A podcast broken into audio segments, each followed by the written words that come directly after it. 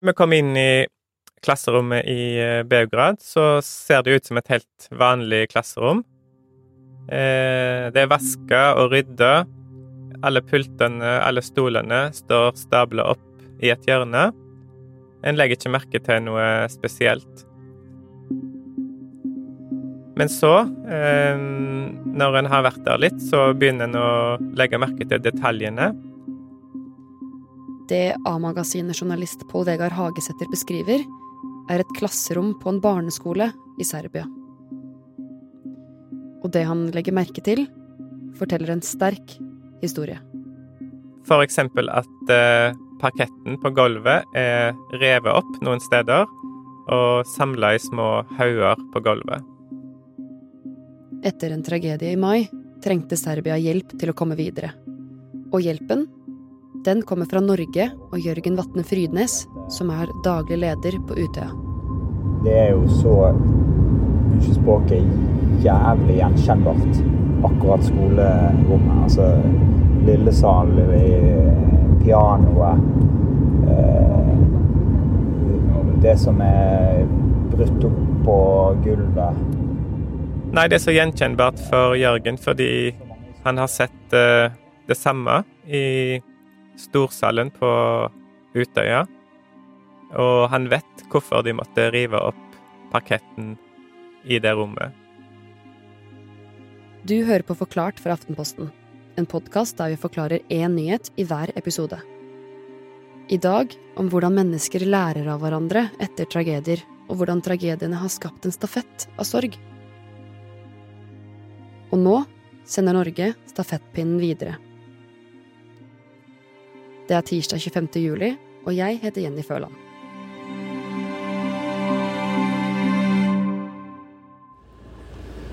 Det er rett og slett eh, Det var umulig å fjerne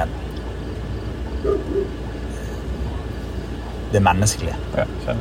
Eh, helt. Vet du ikke om det var det her, da? Nei, på ingen måte. Og det, men det er poenget mitt at det er mer i de rommene enn bare historien som ble fortalt. Eh, det er jeg helt overbevist om. Eh, Pål Vegard, kan du fortelle hva som skjedde i Serbia i vår? Vladislav Ribnikar barneskole den ligger sentralt i Beograd og er kjent som en av byens beste. Det ser ut som skoler flest.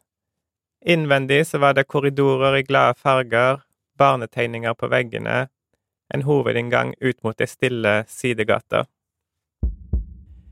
Og på morgenen, onsdag den 3. mai, så var det en 13 år gammel elev som gikk inn den eh, hovedinngangen rundt halv ni om morgenen. Og i sekken så hadde han to pistoler og fire Molotov-cocktailer. Inne i foajeen så trakk han et våpen og skøyt og drepte tre 13 år gamle jenter samt Dragan, som var skolens blide sikkerhetsvakt. Deretter gikk han videre til klasserommet rett rundt hjørnet, som ble brukt til historietimer. Inne i klasserommet så skjøt han først mot eh, læreren. Så vendte han våpenet mot elevene. Han skjøt og drepte seks 13-åringer, fem jenter, én gutt. Læreren og fem andre elever ble såra og overlevde med skuddskader. Til slutt løp han ut i skolegården. Der overga han seg til politiet og ble pågrepet klokka 08.42. Ti mennesker ble drept i angrepet. Ni elever og sikkerhetsvakten Dragan. Og i tillegg ble læreren og fem elever skadet av gutten som gikk inn på skolen den morgenen. Han var jo veldig ung, eh, bare 13 år. Eh, venner beskriver han som en stille og beskjeden gutt som eh, ikke ble mobba. Eh, han hadde planlagt dette i detalj. Eh, alt fra hvor han skulle gå, til hvem han skulle drepe. Det hadde han gjort over en måned i forveien. Og siden han er så ung, så kan han ikke tiltales. Derfor blir han i dag tatt hånd om av eh, barne- og ungdomspsykiatrien. Faktisk så er dette den tidenes dødeligste masseskyting begått av en person under 14 år, om en tar utgangspunkt i kjente episoder i fredstid. Og det spesielle med saken har jo rysta Serbia. Det er en av de, mest, en av de største tragediene i landet siden uh, Jugoslavia-krigene på 1990-tallet. Og det er nok en del av uh, grunnen til at uh, statsministeren bestemte seg for å be om hjelp fra Norge. Og vi har erfaring med tragedier som forandrer nasjonen. Men likevel har heller ikke vi alle svarene. For utfordringene som dukker opp etter en sånn tragedie, er umulig å forutse.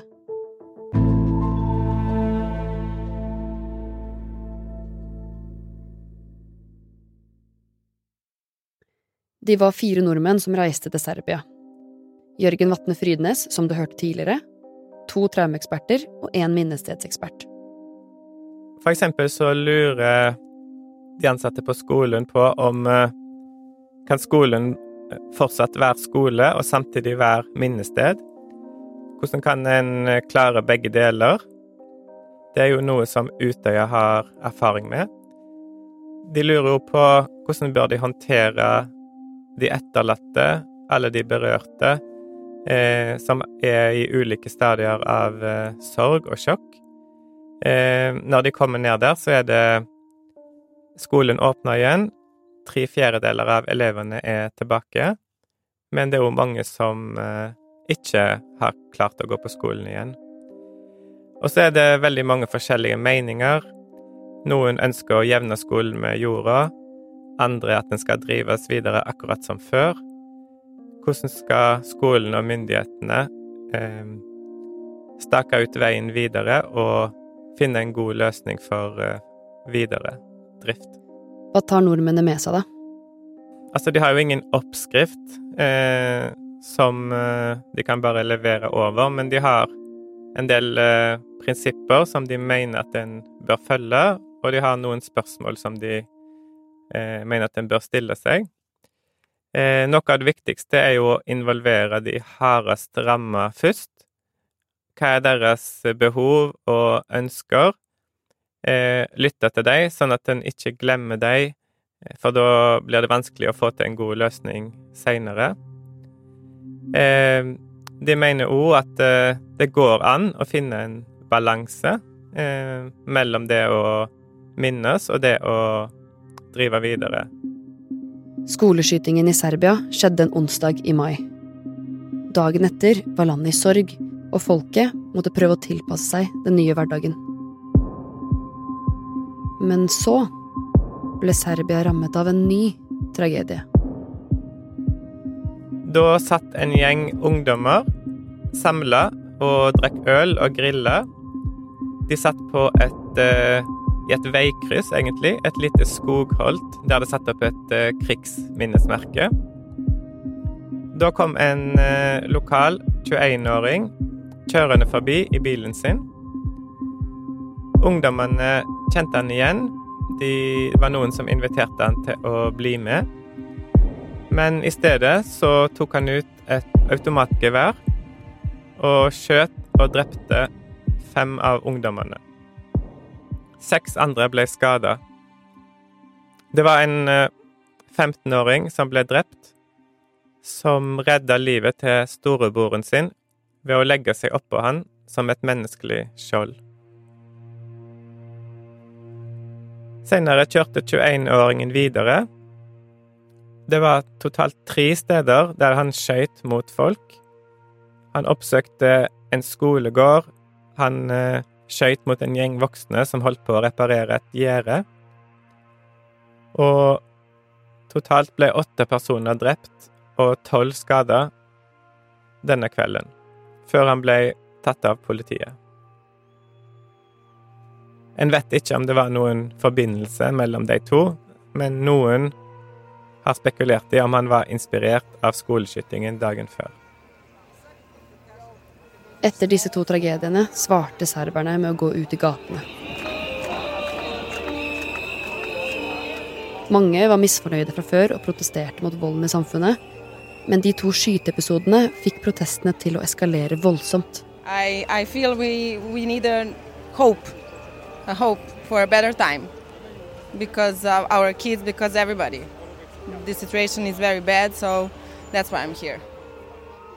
Så du kan si at mens eh, 22. juli i Norge førte til rosetog, så har det i Serbia kanskje ført til et uttrykk for mer splittelse i samfunnet. Mm. Men hva må til da for å komme videre fra sånne tragedier?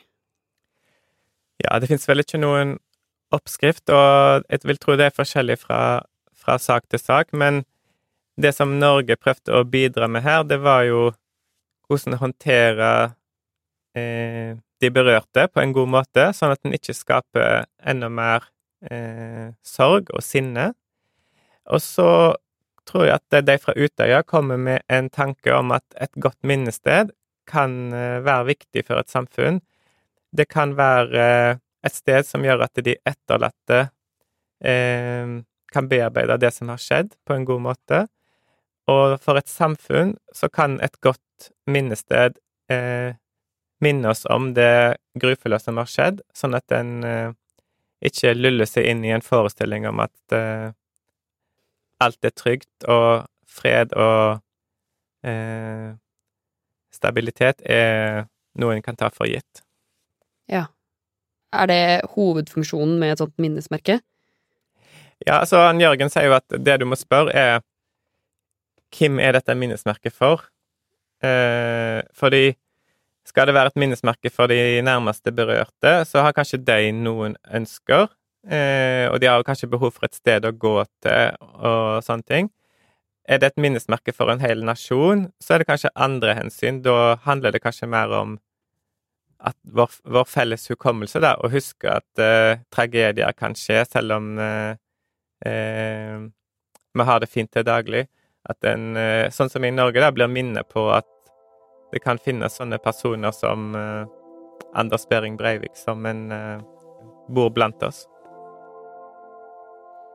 Hvordan vi her i Norge skal huske 22. juli, har vært et utgangspunkt for en lang og sår debatt fylt av sterke meninger. Regjeringskvartalet er et stort og kostbart prosjekt, for der må minnene balanseres med fremtidig bruk og sikkerhet, sånn at noe lignende aldri skal skje igjen. På kaia på fastlandet utenfor Utøya ble det statlige minnesmerket åpnet først i fjor. 77 pilarer i bronse som skal minnes hvert offer. Og på selve øya hadde arkitektene en nesten umulig oppgave.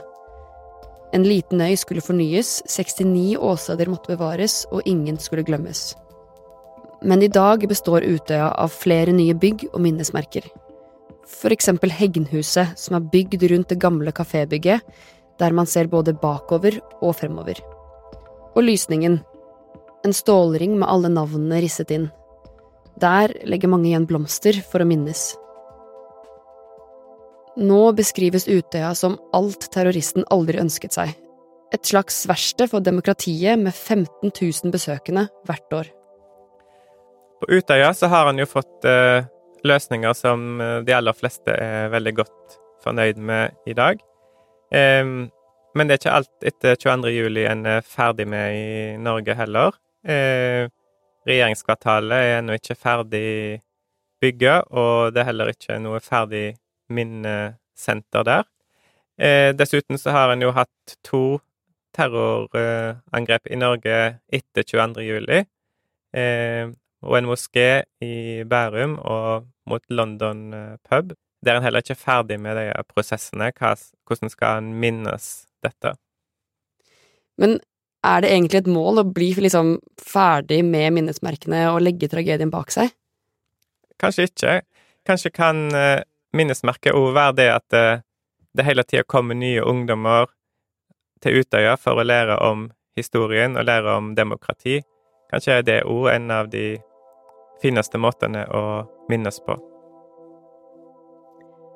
Da terroren ramma Norge, så fikk også vi hjelp fra folk som hadde opplevd terror før. Vi fikk besøk fra Oklahoma City, som ble rammet av en bombe i 1995, og fra New York, som fortalte hva de hadde lært etter terrorangrepene i 2001. Og da fikk de kunnskap, de fikk erfaring med hvordan de hadde håndtert eh, veien videre. Nå eh, spør andre om hjelp fra Norge, Og nå er det vi som gir våre erfaringer og vår kunnskap videre. Eh, så en kan kalle det en slags sorgens stafett, der en eh, gir denne triste, men viktige kunnskapen videre til de som trenger den. Og det er en stafett som alle skulle ønske å slutte, men som bare fortsetter og fortsetter.